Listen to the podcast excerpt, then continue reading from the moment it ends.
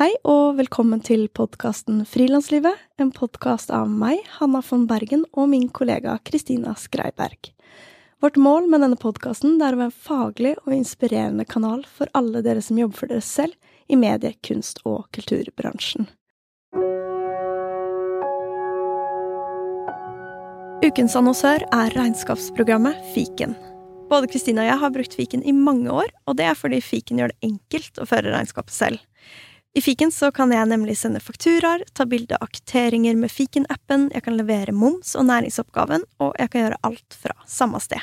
Det gjør frilanslivet mitt lettere, rett og slett. Vil du prøve fiken gratis i 30 dager? Gå inn på fiken.no. Dagens episode skal handle om foreldrepenger og foreldrepermisjon. Dette er en episode som vi har ønska å lage veldig, veldig lenge, og nå i dag skal vi endelig prate med Nav. Hvordan går man frem når man skal søke foreldrepenger? Hvor mye får man utbetalt? Hvor lenge, og hvordan funker alt dette egentlig når man jobber for seg selv? Hva skjer hvis du har hatt en veldig ujevn inntekt de siste årene?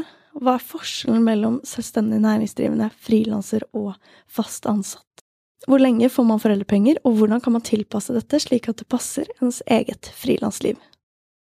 Med oss i studio har vi besøk av Trine Bjørn, som jobber som fagansvarlig med foreldrepenger i Nav, og har jobbet med dette temaet siden 2010. Trine har også selv vært frilanser, som oversetter, før hun ble fast ansatt i Nav. Og nå er jo også et godt tidspunkt å røpe at jeg er gravid og går ut i foreldrepermisjon i februar neste år. Eh, det er veldig spennende, og jeg kjenner at det kribler med både glede og litt uro for alt som kommer. Og jeg er jo nå selv i denne fasen hvor jeg prøver å orientere meg om hvordan foreldrepenger egentlig funker.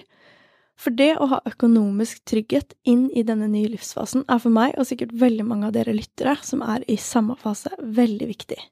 Det kjennes derfor godt å orientere seg om hva man kan forvente å ha i foreldrepenger, sånn at det ikke dukker opp som en overraskelse helt tett innpå. Og vi vet at dette er en etterlengta episode. Vi har mottatt masse, masse spørsmål fra dere, og jeg gleder meg til å ta et dypdykk inn i dette med en ekspert på temaet. Og siden dette er et såpass eh, stort tema, så har vi valgt å dele opp denne episoden i to ulike deler. Dette er del én, og del to av episoden kommer neste uke. Hei, Trine. Hei. Veldig hyggelig at du vil komme hit i dag og dele din kunnskap om foreldrepenger og foreldrepermisjon. Og det her er jo um, et ganske stort tema. Uh, men la oss starte med å få liksom oversikt over det grunnleggende, før vi dykker ned i litt mer sånn komplekse eksempler. Kan du kort si noe om hva foreldrepenger er, og hvem som har krav på det? Først vil jeg bare takke for at jeg får lov å komme og snakke om dette. For det er jo et stort tema, som du sier, og det er mye å sette seg inn i. Særlig første gangen når man eh, skal møte Nav og kanskje ikke har vært i kontakt med Nav før. Og så er det noe så viktig som eh, den inntekta man skal leve av mens man er i foreldrepermisjon. Så kan jeg jo starte med å si at de ulike bestemmelsene som sier noe om hvem som kan få foreldrepenger, hvor mye, hvor lenge osv., det finner vi i folketrygdlovens kapittel 14. Og så har vi også de sånn beregningsbestemmelsene i kapittel 8 som vi deler med sykepenger og pleiepenger osv., som vi også bruker. Og det er utfordrende og artig å jobbe med foreldrepenger, eh, særlig siden det er en ytelse som politikerne er veldig opptatt av. Eh, og derfor så skjer det ofte endringer. Og hver gang når det er nytt regjeringsskifte, så kommer det nye ideer om hvordan man burde endre på det. Så bare i løpet av det siste året så har vi jo hatt to store lovendringer. Dette med fri utsettelse og eh, at fedrene har fått utvida rettigheter.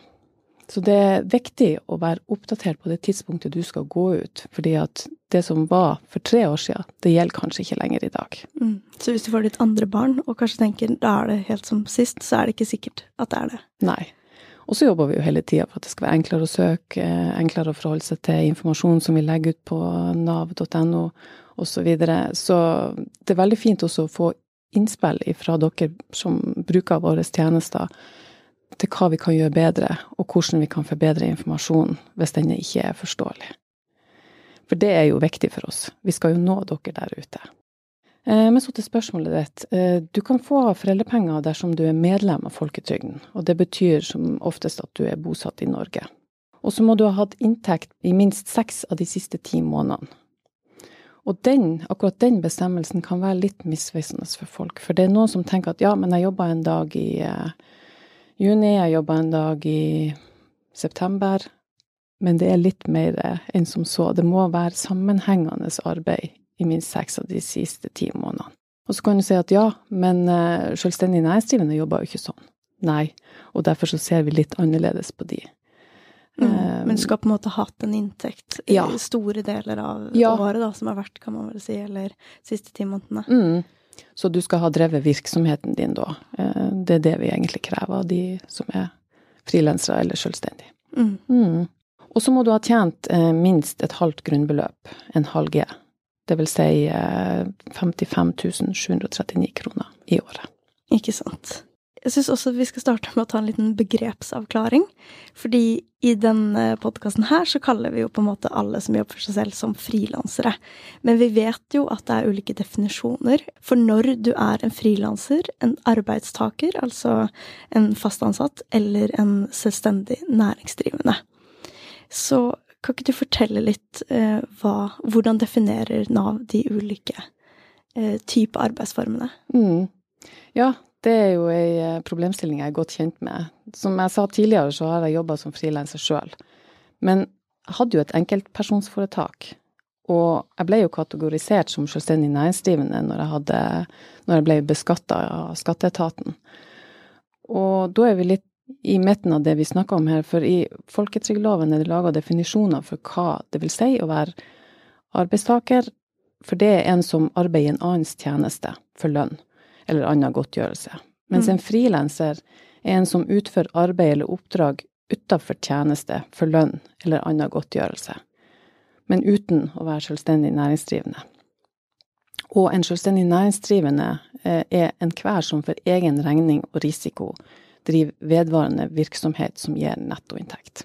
Ikke sant. Og når du sitter og sier det her, så er det veldig sånn vanskelig å skjønne hva det betyr, for det er veldig formelt språk. Mm. Mm. Men hvis jeg har forstått det riktig, så er på en måte en arbeidstaker er hvis du er type fast ansatt i en bedrift, du får lønn inn på kontoen din fra noen andre.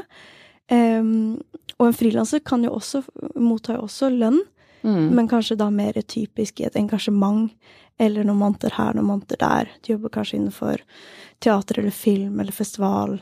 Og eh, en selvstendig næringsdrivende er kanskje typisk en som har enkeltpersonsforetak og fakturerer eh, for det man får inn på firmaet, som man så på en måte lever av. Ja. Med de som har deltids er deltidsansatt, da er de kanskje arbeidstaker, men så kanskje de gjør noen engasjement i tillegg, som gjør at de da er frilansere, i tillegg til at de har et enkeltpersonsforetak. Mm. Som gjør at de da er selvstendig næringsdrivende. Skjønner rett? Ja. Så jeg tror ofte at i hvert fall i kultursektoren så er det veldig vanlig at man eh, Noen er enten-eller, og så tror jeg en del er en blanding. Mm. Mm. Ja, det er veldig mange som er det vi kaller for kombinerte. Mm. At de har elementer av alle disse tingene. Eh, og da har vi jo regelverk som dekker det òg. Sånn at eh, det, det virker kanskje komplisert fra utsida, men eh, det er viktig å ha disse kategoriene, sånn at vi vet hvordan folk skal håndteres når de skal ha en ytelse, og hvordan de skal beskattes osv. Så, videre. så det er jo noe vi følger, ikke bare i Nav, men også i skatteetaten og, og andre offentlige organer. Hvorfor deler Nav det inn i disse tre ulike arbeidsformene, eller da også folketrygden? Nei, hva som er bakgrunnen for det? Jeg vil jo tro at det er for å, å, ha eh, et system, sånn at man vet hvordan man skal behandle sakene for de forskjellige grupperingene. Eh, og uten at jeg vet det, for dette har jo ligget til grunn alltid eh, i folketrygdloven. Eh, men jeg tenker jo også at eh, i og med at vi behandler såpass mange saker, så må det være enkelt å kategorisere og håndtere de ulike sakene. Hvis vi skulle ha sett på hver enkelt person som helt unik, så hadde vi jo ikke fått gjort en ting. Så det er nok dette med masseforvaltning og ja, at man må ha et system i det offentlige som er likt på tvers. Sånn at uh, folk ikke blir behandla forskjellig alt etter om det er ja, Nav, om det er sykepenger, eller om det er foreldrepenger, eller om det er pensjon du skal ha, eller om du skal betale skatt. Og at dette er samkjørt, på en måte. Og hvordan beregnes foreldrepenger i forhold til arbeidsformen du har? Kan du nevne litt om hvordan det skiller seg fra en som er selvstendig næringsdrivende, en frilanser og en arbeidstaker? Ja. Eh, når det gjelder arbeidstakere, så regnes foreldrepengene vanligvis ut fra gjennomsnittet av den inntekta du har hatt de siste tre kalendermånedene, før foreldrepengeperioden din starta. Og den gjelder både når du er fast ansatt, eller om du har varierende arbeidsperioder eller inntekter. Det vil si, eh, du er ikke fast ansatt, men du tar vakter, f.eks. Du blir oppringt som tilkallingsvikar. Mm, så kanskje kontrakten din er på 0 eller 20 ja. eller 50% men så jobber du kanskje 70-80-100 varierende grad. Og da gir du rett og slett lønnsslippen din for de tre siste månedene? Nei. Dette, nei, nei, det dette eh, innberetter arbeidsgiver i ja. noe som vi kaller for A-inntekt. Så der får vi alle opplysningene for de som er arbeidstakere, og de som er frilansere. Ikke sant. Så det, det finnes i systemet, mm. disse tallene. Så det er ikke som når man søker i banken og Nei. må levere alt mulig. Nei, heldigvis ja, er det litt enklere enn det nå. og hva med en som eh, er frilanser? Ja, det er det samme regelverket som er for både arbeidstakere og frilansere. Når du er frilanser, så blir foreldrepengene vanligvis regna ut fra gjennomsnittet av inntekta du har de siste tre hele kalendermånedene. Og da er det de siste tre månedene før du går ut i permisjon. Ja. Som typisk er tre uker før termindato. Ja. Mm. Mm. Og hvis du er selvstendig næringsdrivende, så skiller jo det her seg litt. Grann. Ja. Mm, fortell. Det er de tre siste ferdiglignende årene som legges til grunn når du er selvstendig næringsdrivende. Eh, og årsaken til at det er forskjell der, det er jo på grunn av den varierende inntekta som selvstendige har. Og da skal man få fanga opp de naturlige svingningene som er. Sånn at eh, vi legger ikke til grunn den høyeste måneden du noensinne har hatt utbetaling for at du skal få de beste foreldrepengene. Vi skal ha et beregningsgrunnlag som er representativt for det du har over tid. Hvor mye har man egentlig krav på å få i foreldrepenger? Eh, ja, foreldrepengene skal dekke inntekter du vanligvis har. Og så får man opp til seks ganger grunnbeløpet. Det vil si at det maks man får fra Nav er 668 862 kroner per i dag. Og dette grunnbeløpet det endres jo en gang i året. Og det er det jo eh, Stortinget som bestemmer. Og da justeres det 1. mai. Så la oss si at du starta perioden din 2. mai, eh, og så er ikke grunnbeløpet ferdig, for det tar alltid litt tid, så det kommer ikke før i ja, slutten, midten av juni. Da får du automatisk oppjustert til den nye G-en eh, når vi har fått de tallene. Ikke sant. Mm. Og må man selv eh, skatte av foreldrepengene? Hvis du er arbeidstaker eh, eller frilanser, så innberetter vi skatt til skatteetaten. På samme måte som arbeidsgiverne gjør. Men når du er selvstendig næringsdrivende, så er det akkurat likeens om du får foreldrepenger eller om du får lønn fra en eh, som du har gjort et oppdrag for. Du må betale skatten sjøl. Ikke sant. Og da går man kanskje typisk inn på skatteetaten, eh, beregner liksom hva man tror man kommer til å få det året, og så mottar man forskuddsskatt eh, mm. som man betaler. Så det fungerer egentlig bare som vanlig drift ja. av selskapet. Mm. Og da er det jo en del som er denne mm, kombinasjonen, eller har en blandingsøkonomi, som vil si at man gjerne kanskje både er frilanser, selvstendig næringsdrivende og ansatt, eller en kombinasjon av to arbeidsformer. Eh, hvordan blir det med skatten da? Eh, det blir akkurat samme der. Eh, den delen som er arbeidstakerinntekt eller frilansinntekt, den betaler vi skatt inn til skatteetaten og trekker fra det du får utbetalt. Men den delen som er for den selvstendig næringsdrivende biten, den utbetaler vi fullt ut, og du må sjøl betale skatt for det. Så jeg har også fått inn spørsmål om det regnes som pensjonsgivende inntekt, ja. foreldrepenger. Mm, det gjør det.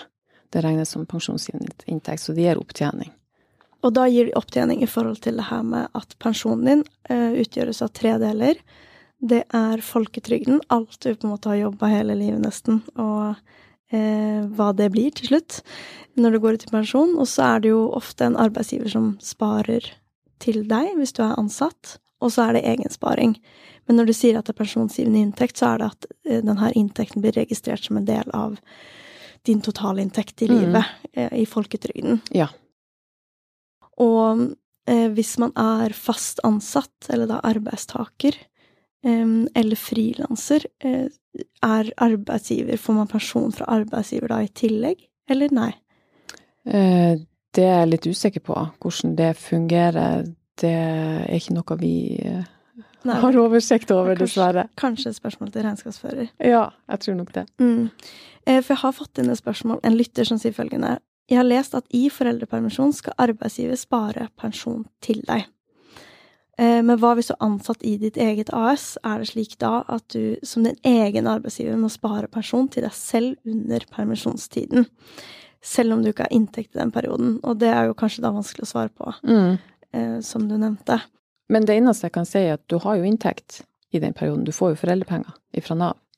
Så det blir på samme måte som du skulle ha fått inntekt fra noen andre. Du må gjøre akkurat de samme tingene om dette kommer fra Nav, eller om det kommer fra noen andre.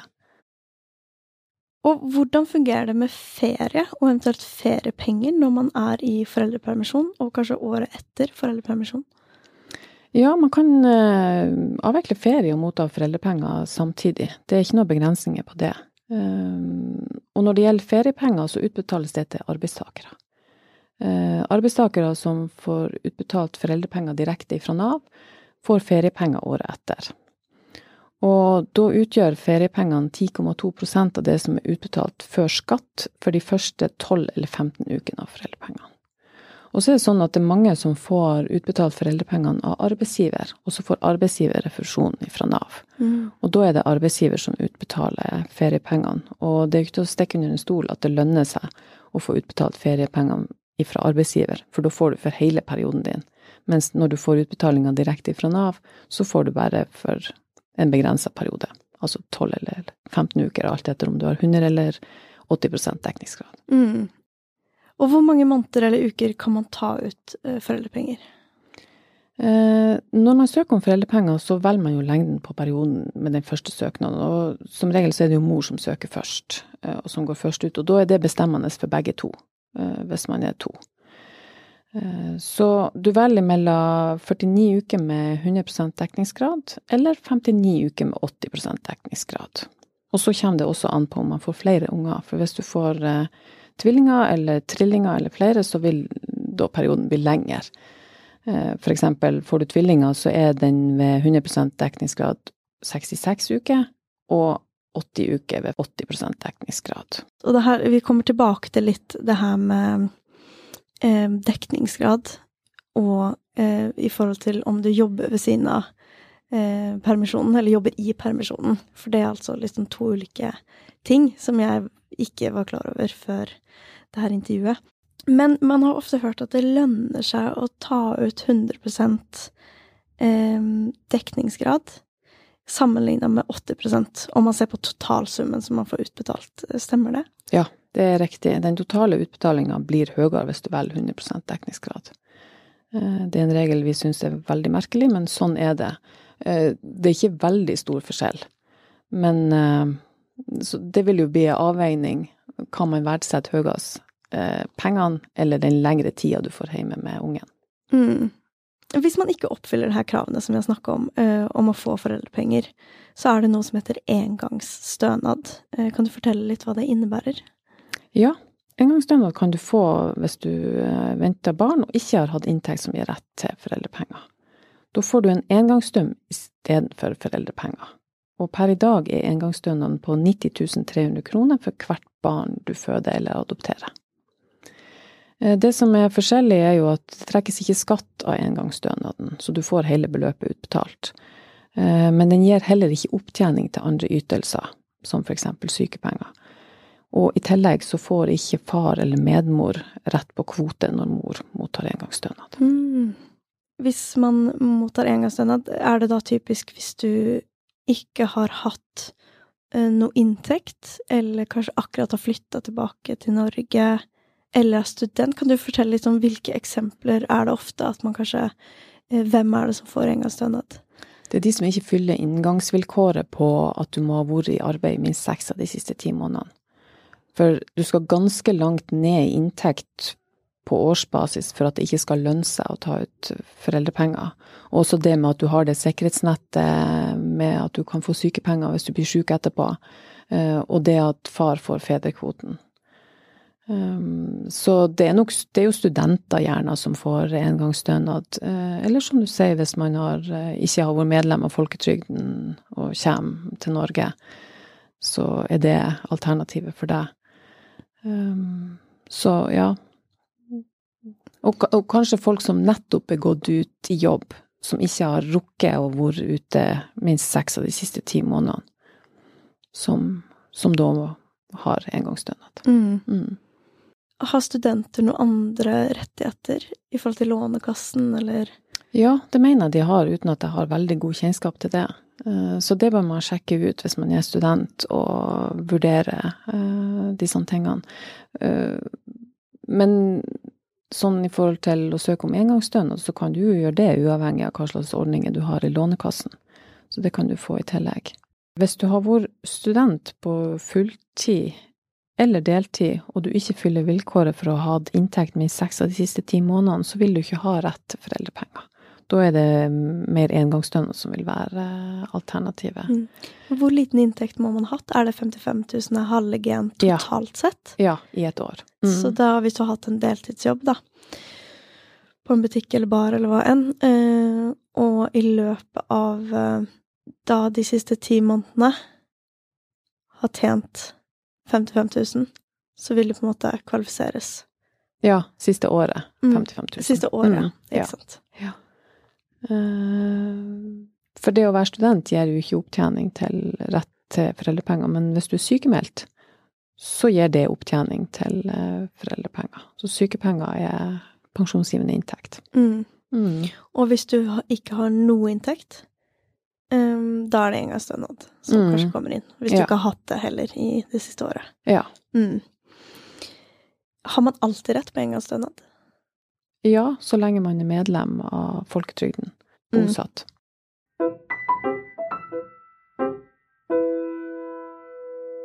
Hvordan kan man fordele foreldrepengene mellom partnerne?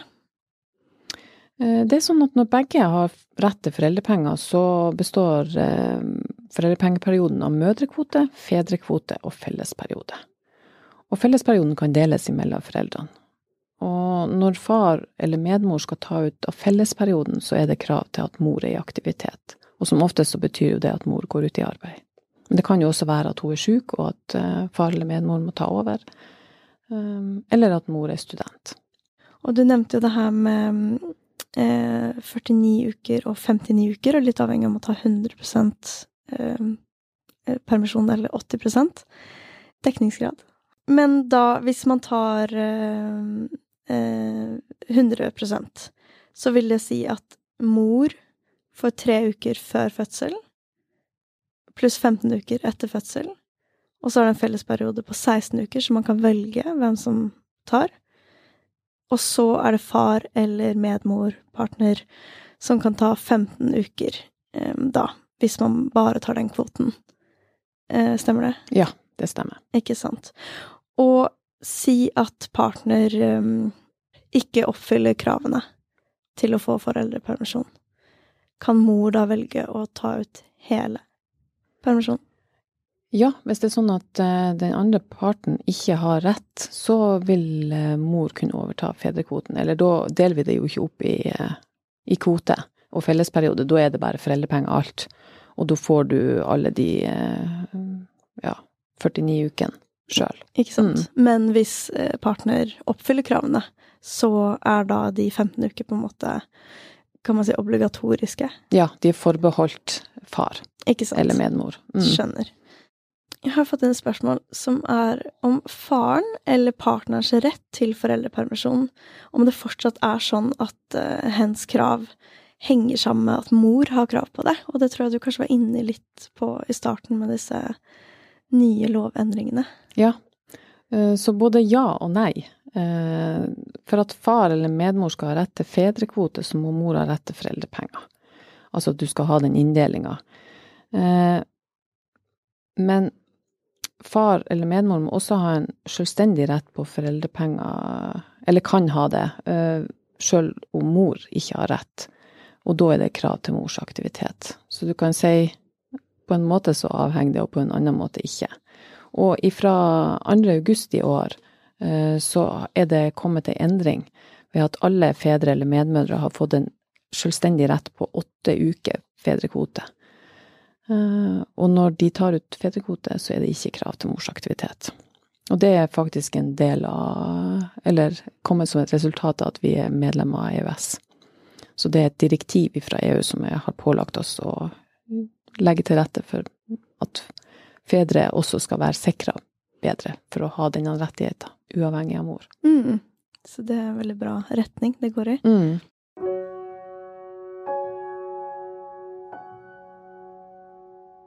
Ukens annonsør er banktjenesten Folio. Med en bedriftskonto fra Folio så kan hvem som helst starte og drive for seg selv. Folio slår sammen bank og regnskap så du sparer tid, enten du har ENK eller AS. Med Folio så mottar du en push-notifikasjon på telefonen umiddelbart idet du har trukket kortet ditt, som så tar deg til kamera slik at du kan ta et bilde og deretter kaste kvitteringen.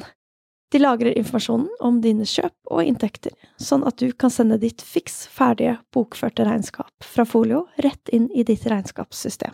Det reduserer tiden du bruker på regnskap, eller eventuelt sparer regnskapsføreren din for tid, så du sparer penger. Prøv nå på folio.no.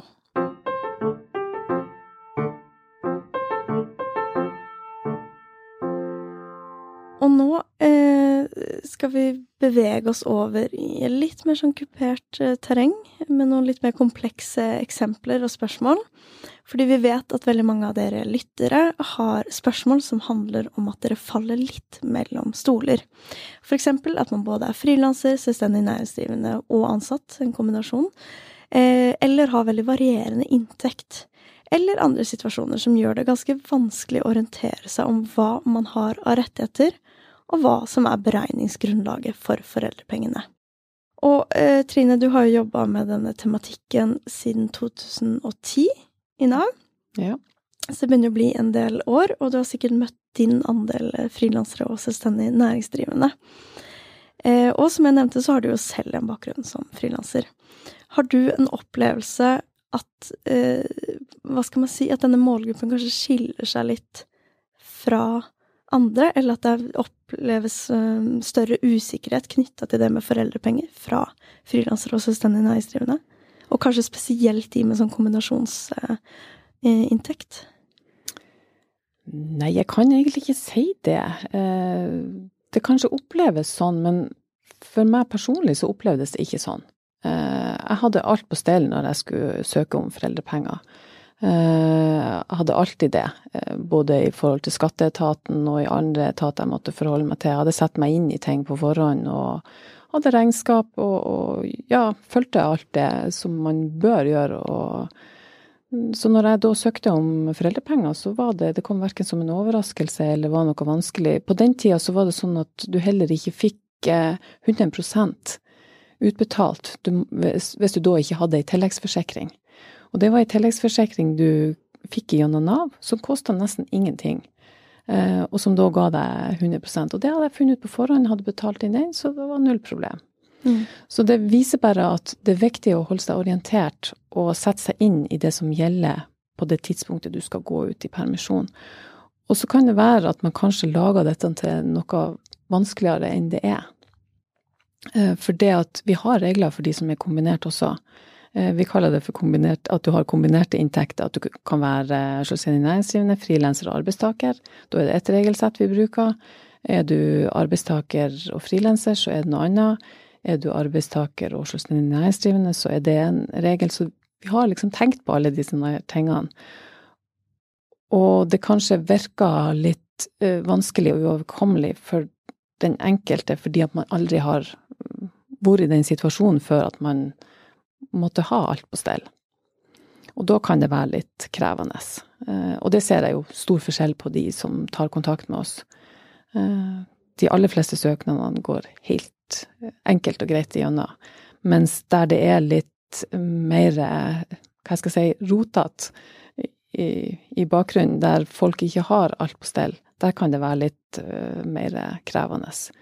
Da er det litt vanskelig for oss, for at, uh, vi eh, ser jo masse saker. Helt enormt mange. Eh, og vi vet hva slags dokumentasjon vi skal se etter. Det er liksom, Du ser etter det, det og det, og så kan du innvilge. Eh, når det ikke er der, så må vi spørre om det. Og da har kanskje ikke folk det De har kanskje ikke regnskapsfører, de har kanskje ikke ført regnskapet sitt og har ikke dette klart. Om å gjøre det når vi ber om det, og det er klart, da tar det tid. Og da kan det være vanskelig. Men vi prøver hele tida å jobbe for at det skal være lett å sette seg inn i de reglene som gjelder. Eh, der er kjempegod informasjon på nav.no, og vi har prøvd å lagt inn eksempler der som går på de forskjellige typene kombinasjoner og, og, hva du kan forvente. Og, uten at vi selvfølgelig kan si noe konkret om hva akkurat du vil få. For det, det kan vi ikke gjøre eh, på forhånd. Og det er vel her det kanskje eh, er mye forvirring òg, for å eh, på en måte representere en del av de som har skrevet inn til oss, da. Eh, og Samfart, ulike diverse Facebook-grupper med denne tematikken for frilansere og selvstendig næringsdrivende. Så vet jeg jo at det finnes veldig mye eh, følelser, mye frustrasjon, mye usikkerhet. Eh, og mange som føler kanskje at de fikk eh, et annet beløp enn det de syns var rettferdig, eller det som var forventa, eh, som de trodde at de kom til å få. Eh, og lang saksbehandling. Så jeg vet jo, bare for å løfte den, eh, det perspektivet, så vet jeg jo at veldig mange sitter med mye uh, mye av de følelsene også overfor denne tematikken. Det er jo litt av bakgrunnen til at vi nettopp vil lage denne episoden også, er jo for å i hvert fall Vi kan jo på en måte ikke styre Verken du eller jeg kan styre akkurat hvordan alle blir bemøtt av ulike saksbehandlere. Noen klager jo får et annet vedtak, alt det her. Men det vi kan gjøre, er å gi mest mulig informasjon, sånn at man står eh, sterkest mulig i denne fasen og vet mest mulig om hvordan det kommer til å bli. Så det tenker jeg er en bra, bra ambisjon. Mm, ja, det er jeg helt enig i. Og kunnskap er jo makt på alle områder. Har du sett deg inn i hva, hva regelverket sier, og så vet du jo også hva du kan forvente, og da blir du kanskje ikke så overraska når du får det brevet i posten. Eh, mens hvis du har bare hatt en idé om hva det skal være på forhånd, så kan det hende at du blir kjempeskuffa. Eh, for vi har jo regler vi må følge. Eh, og det er jo ikke sånn at hver enkelt sak blir behandla unikt ut ifra din situasjon og hva du har av forventninger. Det blir behandla ut ifra de, de, reglene som ligger til grunn for de forskjellige situasjonene som folk har. Og det er jo mm. den situasjonen du er i på akkurat på søketidspunktet, eller ikke søketidspunktet, men permisjonsstart.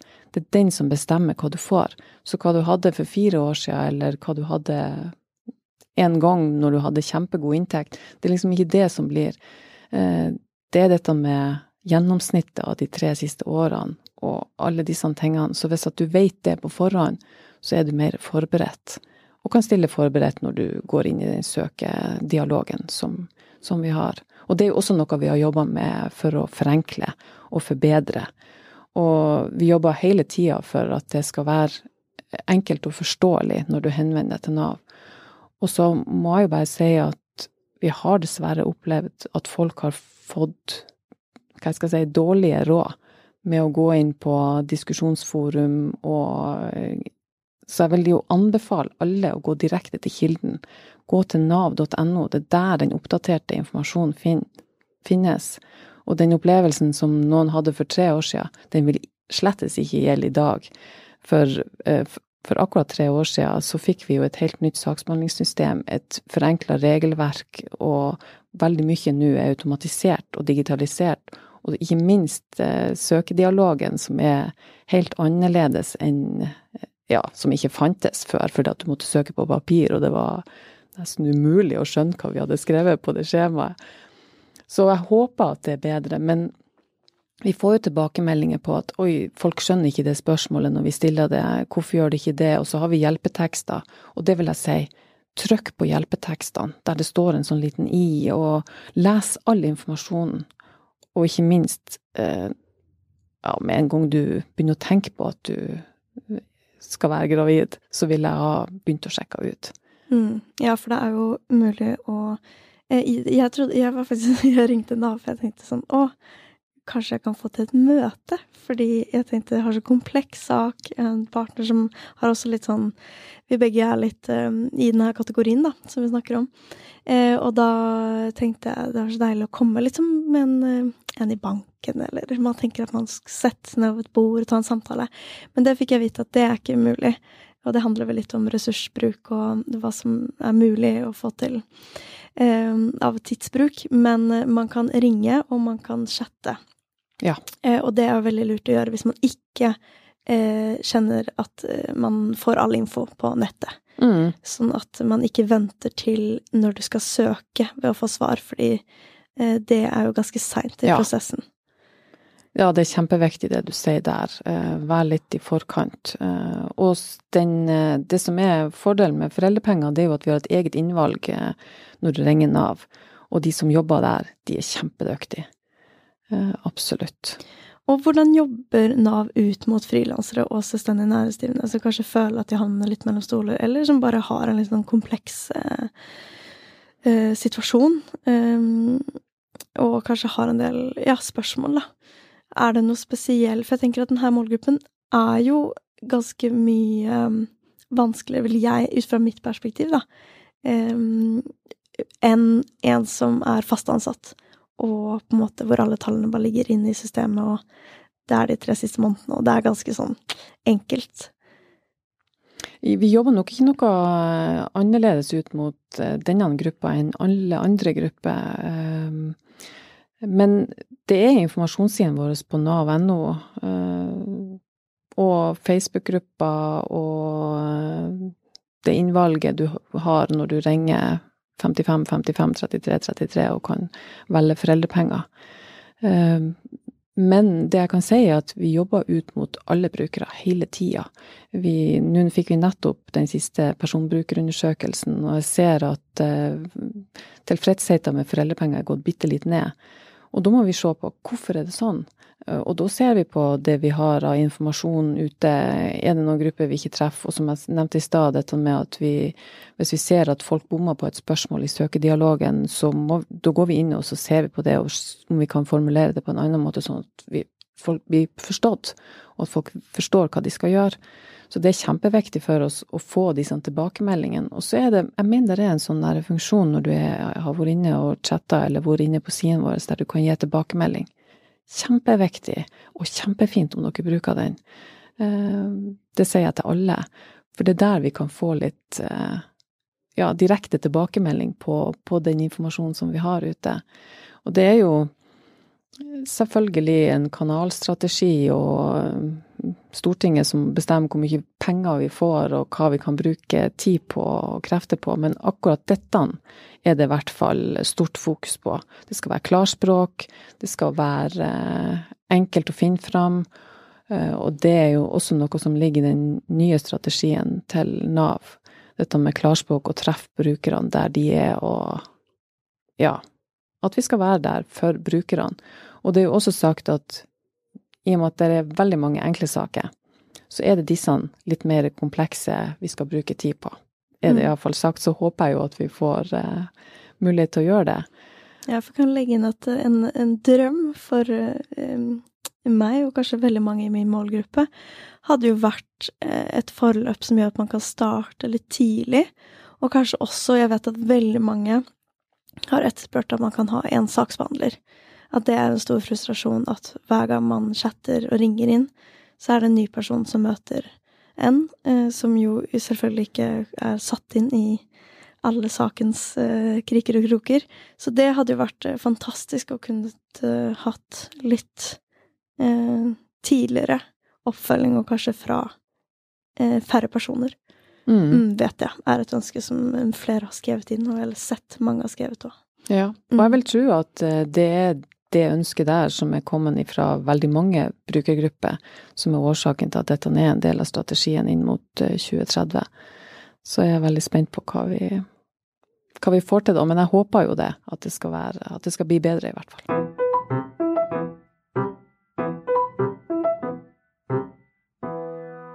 Og så over til litt sånn blandingsøkonomi, eller eh, kombinasjonsinntekt. Vi har fått inn veldig mange spørsmål om det.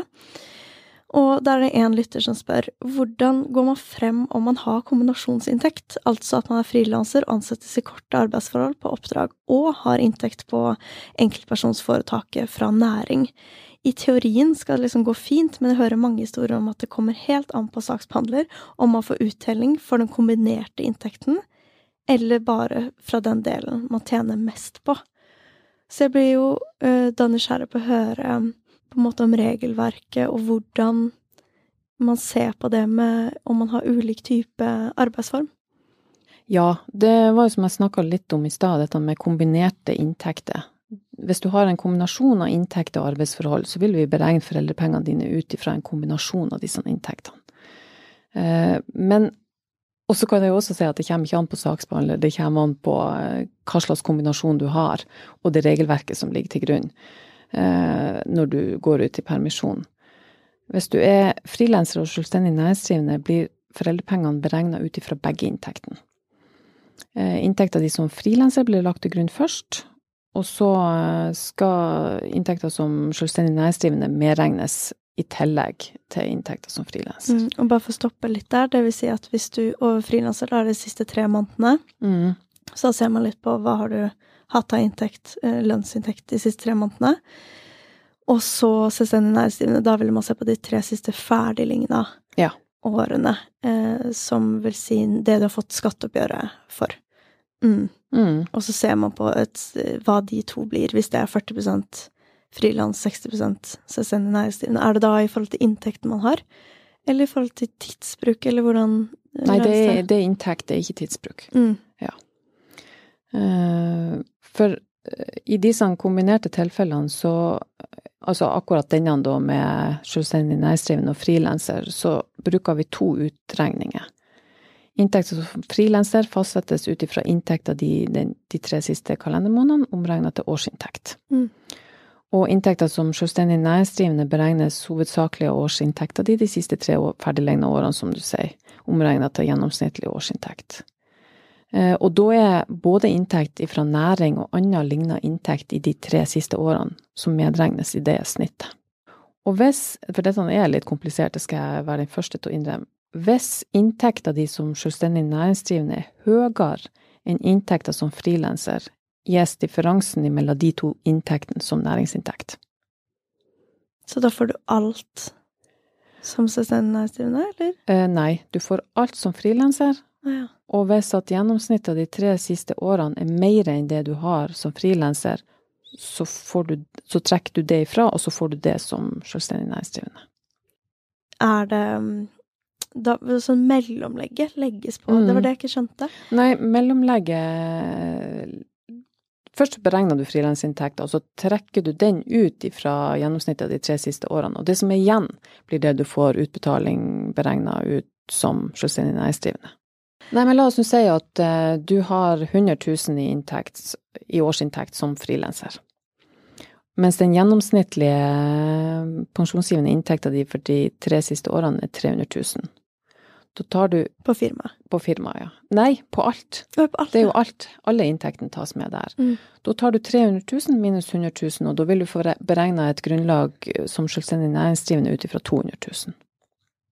Så totalt så får du jo det du har hatt som gjennomsnitt de tre siste årene. Også i disse tilfellene. Det er det som blir konsekvensen, egentlig. Mm. Og til dere lyttere, eh, så har jeg nå i etterkant av episoden spilt inn en liten forklarende tekst, og det var fordi jeg klødde meg noe veldig i hodet eh, når Trine snakket om akkurat denne biten i episoden. Eh, fordi jeg rett og slett ikke helt skjønte hvordan det funka. Men det har jeg altså gjort nå, og jeg skal prøve å forklare det sånn at det blir helt tydelig hvis du også var en av de som ikke helt catcha dette. Så når du har en blandingsinntekt, så, eller kombinasjonsinntekt, så kan du jo både ha jobba som frilanser eller ansatt eller selvstendig næringsdrivende, eller en miks. Og hvis du har vært både da eh, selvstendig næringsdrivende og frilanser, som vi snakker om i dette tilfellet, så vil man gjøre om inntekten Eh, til et slags gjennomsnitt årsinntekt, og da vil man se på frilansinntekten din den siste tre månedene. Og her nevner Trine et eksempel hvor den blir gjort om til 100 000 i årsinntekt, så vil si at man kanskje har hatt 8300 kroner i måneden de siste tre månedene før permisjonstiden. Um, omgjort til et uh, årsinntektssnitt. Og eh, det samme gjør man da med selvstendig næringsdrivende, men da ser man ikke på de tre siste månedene, da ser man på de tre siste ferdiglignende årene. Og da nevnte Trine eksempelet med at man har hatt 300 000 som gjennomsnittsinntekt. Eh, og det her er da ikke inntekten eh, kun på liksom firmaet ditt, når man ser på selvstendig næringsdrivende-delen. Det er de pensjon, den pensjonsgivende inntekten for de tre siste ferdiglignende årene. Så det vil si all inntekt uh, som du har tjent som ansatt, frilanser, selvstendig næringsdrivende, hvis du har mottatt sykepenger, etc. Det Nav vil finne ut av, er hvor mye skal du få liksom, som frilanser, og hvor mye skal du få som selvstendig næringsdrivende. Um, og da tar man denne snittinntekten, 300 000, minus frilansinntekten på 100 000, og da sitter man igjen med 200 000. Det som skjer, er at da får du på en måte de 200 000 eh, i foreldrepenger eh, fra Nav. Um, og da får du denne inntekten så klart omgjort da til en dagssats, men som blir utbetalt en gang i måneden. Da får du den selvstendig næringsdrivende inntekten som en næringsinntekt eh, i foreldrepenger. Um, og de 100 000 som frilansinntekt. Og det vil egentlig da si at eh, Nav på en måte har skatta og gjort det som vi snakka om tidligere, når du får frilansinntekten din i foreldrepenger, men når du får næringsinntekten din, da må du selv skatte på den inntekten. Så det vil si at i utgangspunktet så skal du ikke gå glipp av noe inntekt ved denne beregningsmetoden, men det vil kanskje variere hvor stor andel du får i foreldrepenger som havner innenfor hvilken kategori. Og nå skal vi ta for oss hva som skjer i det motsatte tilfellet. Altså, hvis du har tjent mere som frilanser enn som selvstendig næringsdrivende, for i forrige eksempel så var det hvis du har tjent mer som selvstendig næringsdrivende enn frilanser. Omgjort da i år. Å drive en bedrift uten regnskapsprogrammet TrippelTex er litt som å piske krem uten miksmaster. Det går jo, men det bare tar masse unødvendig tid. TrippelTex, det fleksible regnskapsprogrammet som forenkler hverdagen for over 100 000 fornøyde kunder. Prøv gratis på trippeltex.no.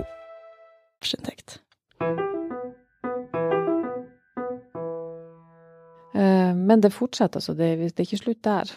Mens inntekta de som selvstendig næringsdrivende er lavere enn inntekta de som frilanser, vil du kun få dekka frilanserinntekter. Så hvis du har tjent mm. kjempegodt som frilanser, og får beregna ei årsinntekt som er høyere enn det du har hatt i snitt de tre siste årene, så får du kun ut ifra frilanserinntekter. Å ja, for da telles ikke firmainntektene med Nei. i det hele tatt. Så da si at man jobber med en forestilling eh, de tre siste månedene. Fikk 40 000 i måneden fra det, og da kanskje man gjorde noen småoppdrag, da, eh, på siden den perioden på firmaet, men generelt har kanskje mest gjort ting på firmaet tidligere. Um, da vil Da har ikke det noe å si, egentlig, så lenge de 40 000, beregna i en årsinntekt, uh, er høyere. Mm. Hva hvis det bare er bitte litt høyere? Ja, da er det det som er Altså hvis frilansinntekta er høyere, uansett om det er ei krone over, så er det kun det du får. Ja, for det her tenker jeg at det med god grunn kanskje er mye forvirring rundt, fordi man som frilanser eller selvstendig næringsdrivende gjerne blir på en måte lært opp til at lønn er alltid best. Um, fordi du har mer rettigheter, og du på en måte er i systemet sammen med alle andre. Men um, akkurat i når det gjelder foreldrepermisjon, så kan man jo komme i noen sånne situasjoner hvis du har veldig blanda. Eh, som kanskje du kommer dårligere ut av mm. enn eksempel hvis du har valgt å få alt på lønn, mm. eller du har valgt å få alt på firma. Mm. Og det som kanskje er ekstra spesielt, er at man ofte selv kan velge. Eh, ikke alltid, men noen ganger så kan man snakke med oppdragsgiver og si kan jeg fakturere dere, eller kan jeg få det som lønn? Og så regner man kanskje ut hva det blir. Kanskje det blir litt forskjellig beløp.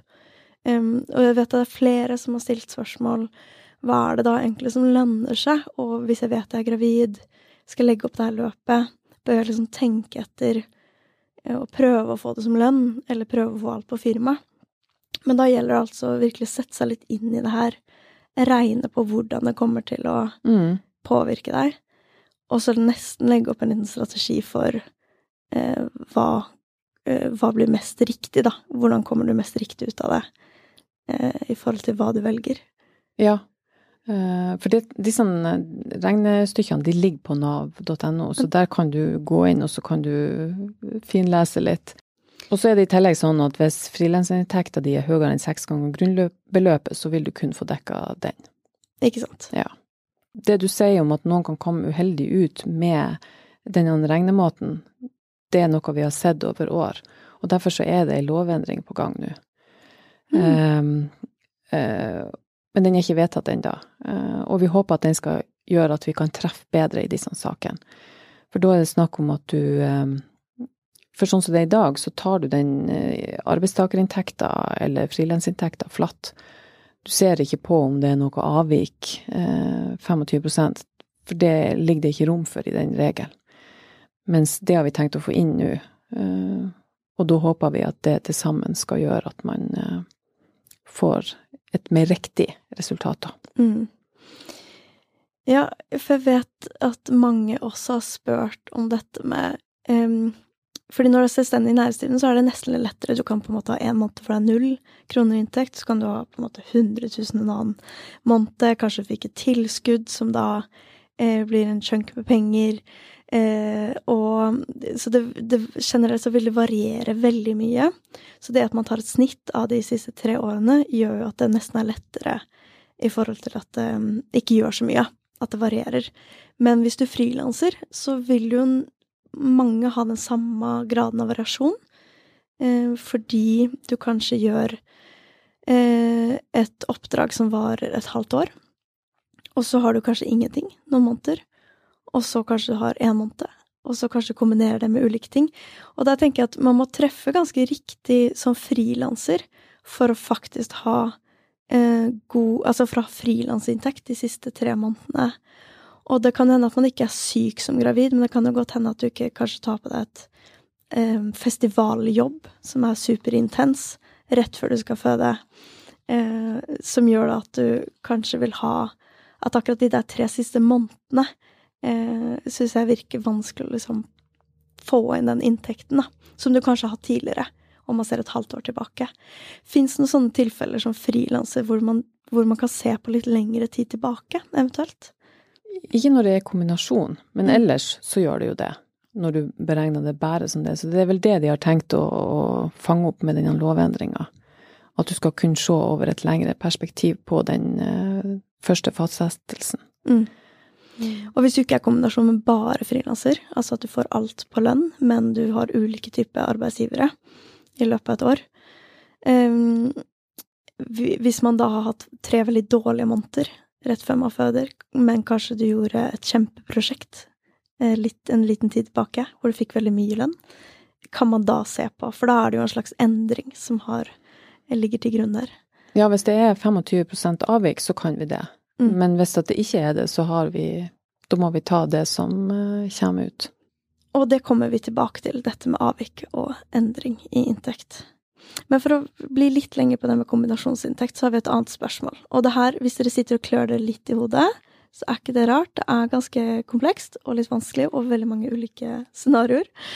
Um, men her kommer neste spørsmål. Jeg har prøvd å gjøre meg klok på dette temaet, men det har jeg ikke fått til. jeg har enkeltpersonsforetak, jeg er keramiker slash kunstner, og tar på meg korte engasjement som lønnstaker. Eh, formidling, prosjektledelse, kurs etc. Og har de siste tre årene hatt ettårskontrakter og halvtårskontrakter på 20-50% stillinger, i tillegg til foretaket. Så hun er jo sånn klassisk eksempel på det vi nevner. Jeg er derfor både selvstendig næringsdrivende, lønnstaker, oppdragstaker.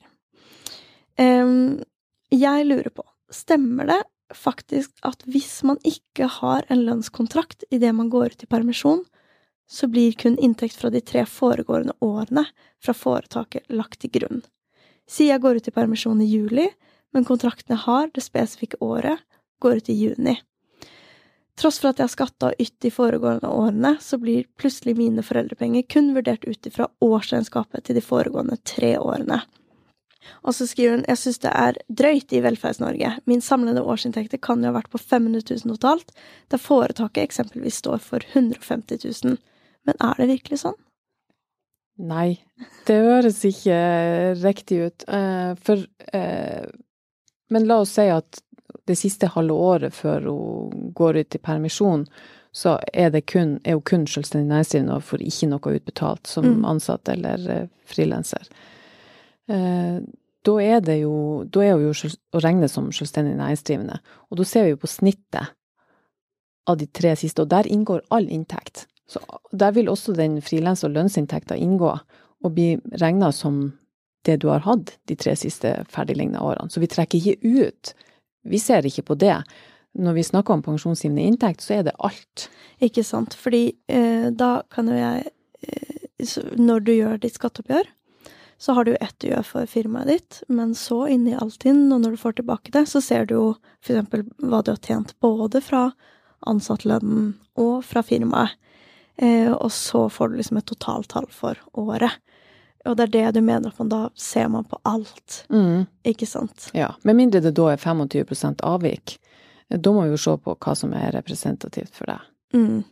Du får med all frilansinntekten din, og all inntekt på selvstendig næringsdrivende, de tre siste åra, hvis du liksom den siste perioden kun eh, er å regne som selvstendig næringsdrivende Mm. overfor Nav. Ja, for da er det de tre siste ferdigligna årene som legges til grunn.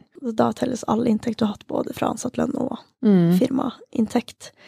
Um, så når det blir mer komplekst, er vel kanskje de tilfellene hvor du de tre siste månedene før du går ut i permisjon, både har lønnsinntekt og firmainntekt. Det er Mm. der man må begynne å se på hvem skal telles, og hvordan. Ja.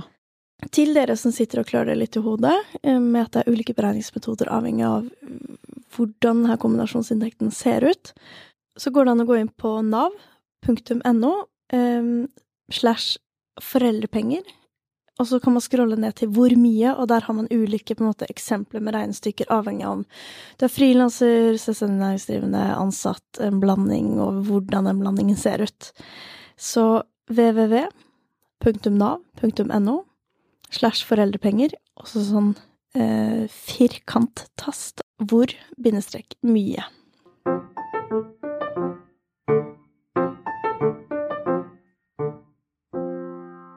Hva skjer hvis du har hatt, og det har vi vært inne på nå, men nå skal vi liksom grave litt i det, hva skjer hvis du har hatt en inntekt som har variert veldig mye? Og man snakker jo ofte om 25% endring i inntekt. Kan du fortelle om noen ulike scenarioer som kan oppstå? Ja. Eh, Det er jo sånn at hvis virksomheten eller arbeidssituasjonen din er varig endra, og endringa medfører at det er mer enn 25% avvik mellom inntekta di etter endringa og inntekta di de siste tre ferdiglegna årene, så vurderer vi hva slags inntekt som er mest representativt for din situasjon. Og det samme gjelder dersom du er blitt yrkesaktiv i løpet av de siste tre årene. Det vil si at hvis du har vært student, og så begynner du å jobbe. Eh, og så er det sånn at en inntektsendring alene, økt eller redusert inntekt, er ikke å anse som en varig endring. Det, det innebærer noe mer. Og så kan det jo være sånn at du har hatt ei varig endring uten at eh, inntekten har endra seg. Sånn at det er ikke 25 avvik. Mm. Og bare for å eh, nevne noen eksempler, så kan det være at du eksempel eh, jobber med noe, og så bytter du til noe annet. Eller at du går fra å være selvstendig næringsdrivende til å bli fast ansatt, eksempel. Noen Mm. ganger så vil det si en varig endring, fordi det kanskje er helt ulik type inntekt. At du enten veldig går ned i lønn, eller veldig går opp i lønn. Eh, Og hvis det er mer enn 25 så eh, vil man eh, se på om man kan beregne den nye situasjonen istedenfor mm, den gamle, da, for å si det sånn. Eh, ja, det vil si det, det er ikke snakk om varig endring på den måten hvis du går ifra en status til en annen. Så hvis du går ifra å være frilanser til å bli selvstendig næringsdrivende, så er det statusen din som er selvstendig næringsdrivende. Og vi ser ikke på eh, om det er 25 avvik mellom de to inntektene. Da er det mer i, i forhold til de siste tre årene. Mm. og den inntekta du har per det tidspunkt. Og hvis du eh, går over fra å være selvstendig næringsdrivende til å bli fast ansatt, så ser vi ikke på differansen der, men det er et moment som vi har med i vurderinga hvis det er 25% avvik mellom det du hadde siste året og ja, det du har nå. Men man ser, eh, for å si det enkelt, så ser man på pengene. Altså mm. om det er en 25 endring eh, opp eller ned i Ja. inntekt. Ja. Målt imot eh, det siste året når du er arbeidstaker, og målt imot de tre siste årene når du er selvstendig næringsdrivende. Ja, hvis du har eh, ferdig student, og så det, har det gått to år, kanskje, og så har du ett år som er veldig dårlig, og så har du ett år som er veldig bra, fordi du karer deg opp og blir bedre og får flere kunder, og, eh, og så får du barn. Eh, vil man da kunne se på på en måte det siste året istedenfor begge to, for eksempel, eller alle tre, da? Mm. Det vil være noe som eh, vurderes i hver enkelt situasjon, og da er det jo Poenget med det er at vi skal finne ut det som er representativt for deg. Det du ville hatt hvis du ikke hadde vært i foreldrepermisjon. Og da skal det inntektsnivået være rimelig likt. Så det vil ikke være naturlig å se på det første driftsåret ditt eh, når du har som oppstartsår. Da vil det bli vurdert som at nei, kanskje det ikke blir rett. For hvis du hadde jobba framover, hva hadde du hatt i inntekt da? Det er det som skal være målet med skjønnsberegninga, da. Mm. Og kan man da som selvstendig næringsdrivende få vurdert foreldrepenger ut ifra altså hvor kort tid? Er det helt avhengig av hvor stor varig endring det har vært, eller er det noe sånn Kan man bruke de siste tre månedene eller siste halvåret istedenfor de tre siste ferdigliggende årene? Eller vil det alltid være sånn år opp mot andre år? Nei, det vil variere. Mm. Eh, Så det er helt umulig å si. Men det som er det aller viktigste, er at det skal være representativt for det du ville ha hatt framover om du ikke var gravid. Mm. Og det her med varig endring syns jeg virker litt komplekst, eh, fordi det nettopp handler om skjønn. I forhold til hvordan man Hvordan kan man bevise at man mener at det er en varig endring? Selve den varige endringa er ikke skjønnsvurdering. Da ser vi på de faktiske forholdene. Har du gått over fra én type drift til en annen type drift? Eh, Har du f.eks. vært keramiker, og så blir du billedkunstner? Det vil anses for å være en varig endring. Eh, Hvis virksomheten utvides til å omfatte flere former for virksomhet, så kan det også være en varig endring. La oss si at du bare har vært keramiker, og så blir du billedkunstner i tillegg. Eh, Så der er det mer innholdet enn Ja. form, formatet, for, eller arbeidsformen. Ja, Mm, innholdet. ikke sant? Mm. Eh, og kan man på en måte da argumentere for at eh, eh, jeg har en mye bedre inntekt fordi eh, nå har på en måte jeg fått et stort nettverk. Eh, jeg har Altså sånn rett og slett at man har profesjonalisert driften sin. Og for de som frilanser så er det jo ikke sånn som en lønnsmottaker at man kanskje går i en stilling, og der kan man jo også gå opp i lønn og gå opp i stillinger. Men som frilanser så tar det ganske mange år, og så plutselig så begynner ballen å rulle, og du gjør ett spesifikt forestilling eller oppdrag som utløser veldig mange andre muligheter, da. Som da ofte kanskje gjør at det løsner, som man kanskje sier. Mm. Typisk. Nei, eh, det at du går opp i lønn, eller at du har varierende inntekter, det regnes ikke som eh, varig endring. Da må det være noe med innholdet i det du har gjort som har endra seg. At du har jobba på en annen måte, at du har utvida, eller ja. Mm. Så bare det å gå opp i lønn, eller ned i lønn, eh, anses ikke som varig endring. Men det gjør det hvis det er 25% endring i Nei. lønn? Nei, det, først må du ha en varig endring. Ah, Og så, hvis den varige endringa medfører at det er 25% mellom det du hadde før og det du har nå, så skal det skjønnsberegnes. Så det er Ah. to vilkår. Ja, vet du hva, det her eh, Nå er det bra at jeg også sitter her litt forvirra. Min tanke var at jeg skulle være innforstått med alle regler, sånn at eh, jeg ikke skulle forvirre dere lytterne. Men det her er et veldig godt eksempel på hva som kan være vanskelig å forstå. For jeg har alltid trodd at eh, hvis du har 25 endring i inntekt, eh, så vil man begynne å se på på måte den nye inntekten versus den gamle. Eh, men jeg har ikke forstått at det må være en varig endring i liksom innholdet det driver med, eh, i tillegg til inntekten. som du sa. Mm. Det, og det er, en veldig, det er en stor forskjell på de to. Ja, veldig stor forskjell, og det er der veldig mange eh, misforstår og tenker at ja, men jeg har jo gått opp 25% Ja, men du er selvstendig næringsdrivende eller frilanser, og det er vanlig at det endrer seg. Eh, og nå kan det være sånn at du har veldig lavt. Og da vil det være urettferdig hvis det var det som skulle legges til grunn, i motsetning til de tre siste årene, hvis vi skulle gått ut ifra det kjempelave du har nå. Og samme kan det være at det oppleves som utrolig urettferdig, for at nå har jeg kjempemasse i forhold til de tre siste årene, men det er de tre siste årene som blir lagt til grunn fordi at jeg har ikke noe varig endring i innholdet i det jeg driver med. Mm.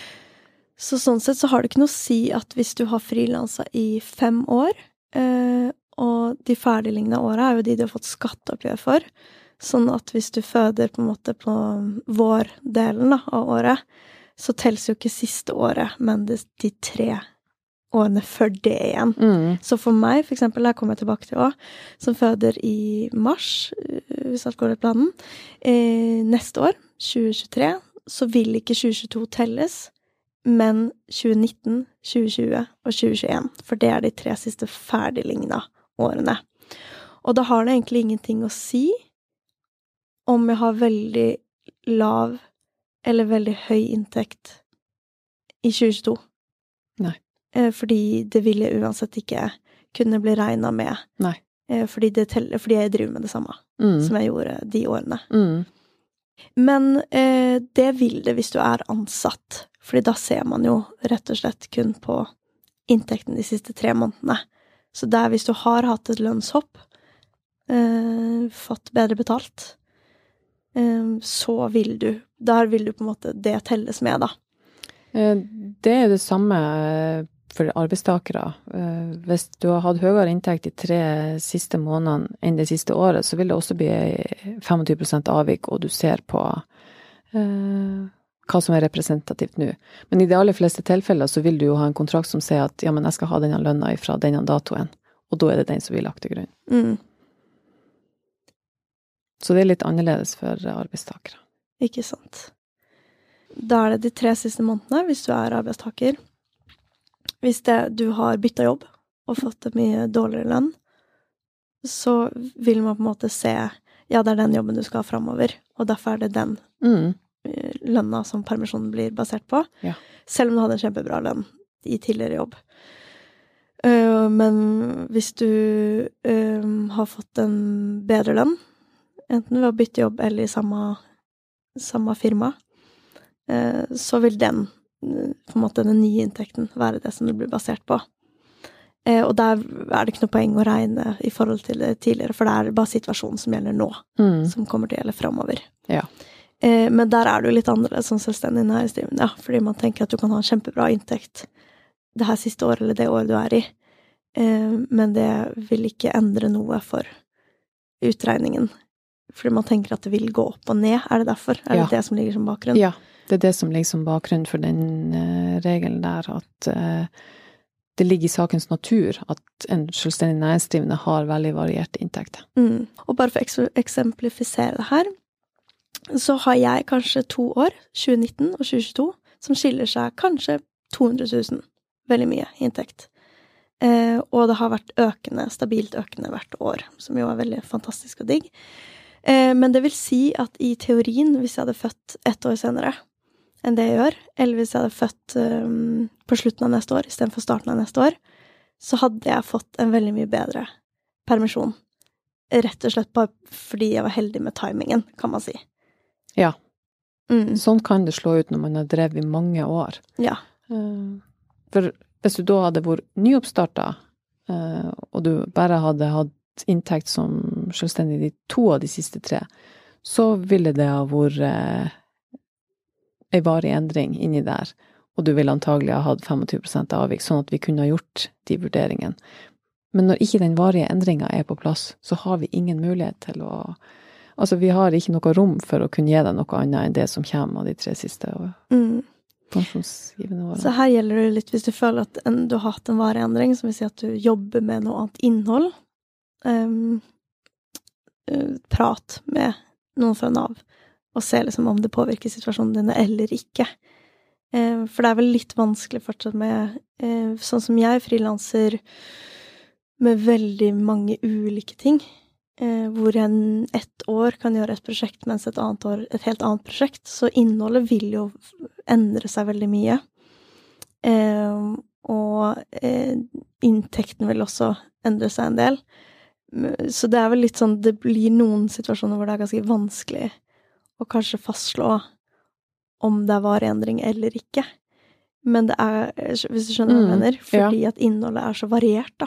Ofte som, sånn som hun nevnte tidligere i eksempelet, at hun både er keramiker, kunstner, men så kanskje hun er lærer og underviser, og så tar hun eh, andre typer oppdrag i tillegg. Mm. Mm. Ja.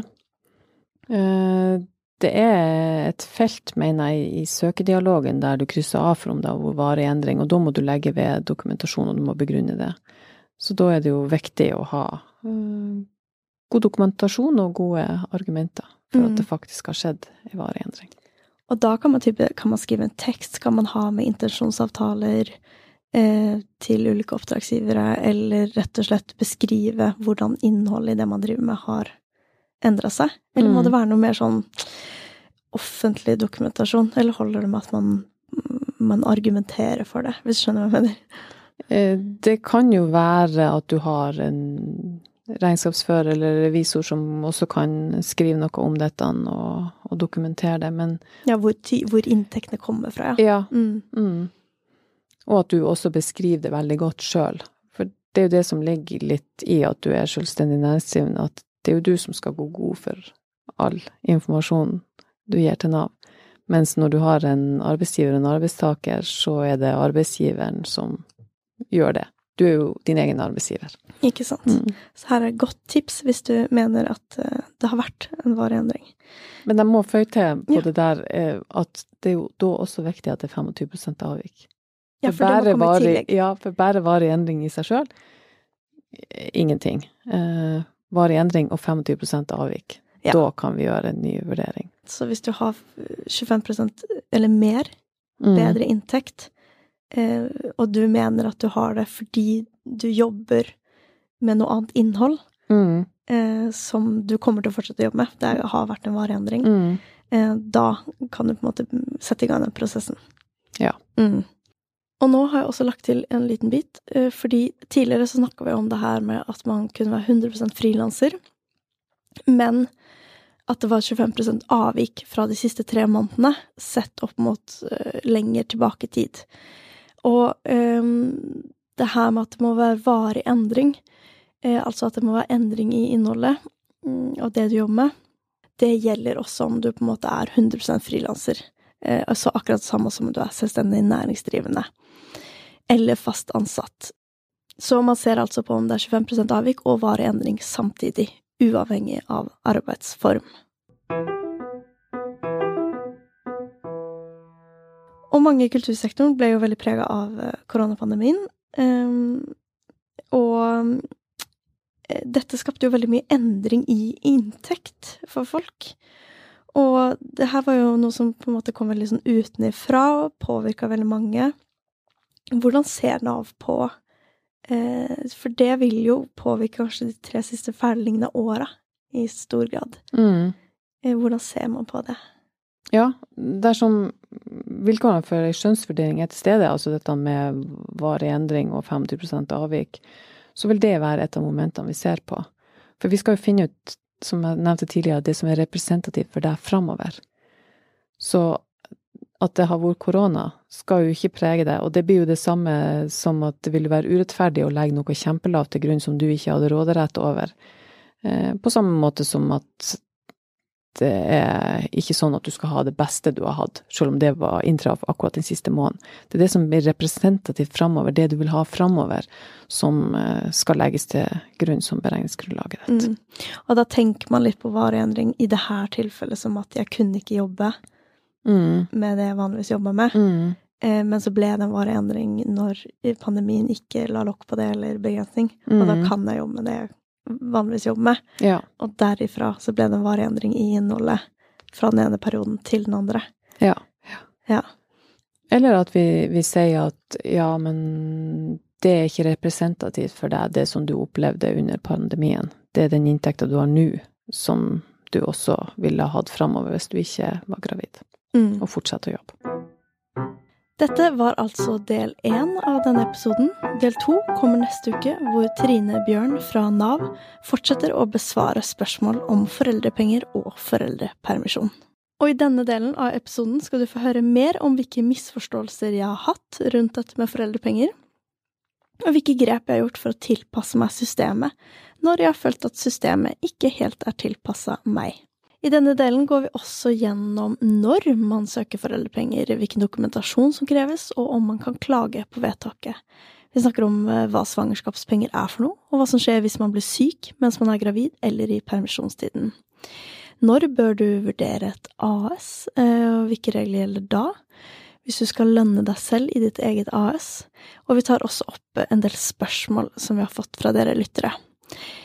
Vi går også gjennom hvordan man kan kombinere permisjonstiden med å enten jobbe litt eller mye, hvordan funker de reglene, og vi ender hele kalaset med våre beste tips. Ha det! Vi vil gjerne få takke Bergesen-stiftelsen for støtten til å lage denne podkasten. Tusen, tusen takk. Denne episoden er laget med tilskudd fra Norges største kunstnerorganisasjon, Creo. Alle som har inntekt fra kunstneriske yrker, kan bli medlem i Creo. Du kan være utøvende musiker, danser, pedagog, produsent, musikkterapeut, scenograf eller kritiker, og mye mer. Creo arbeider for å sikre medlemmene bedre lønns- og arbeidsvilkår. Tusen takk for samarbeidet.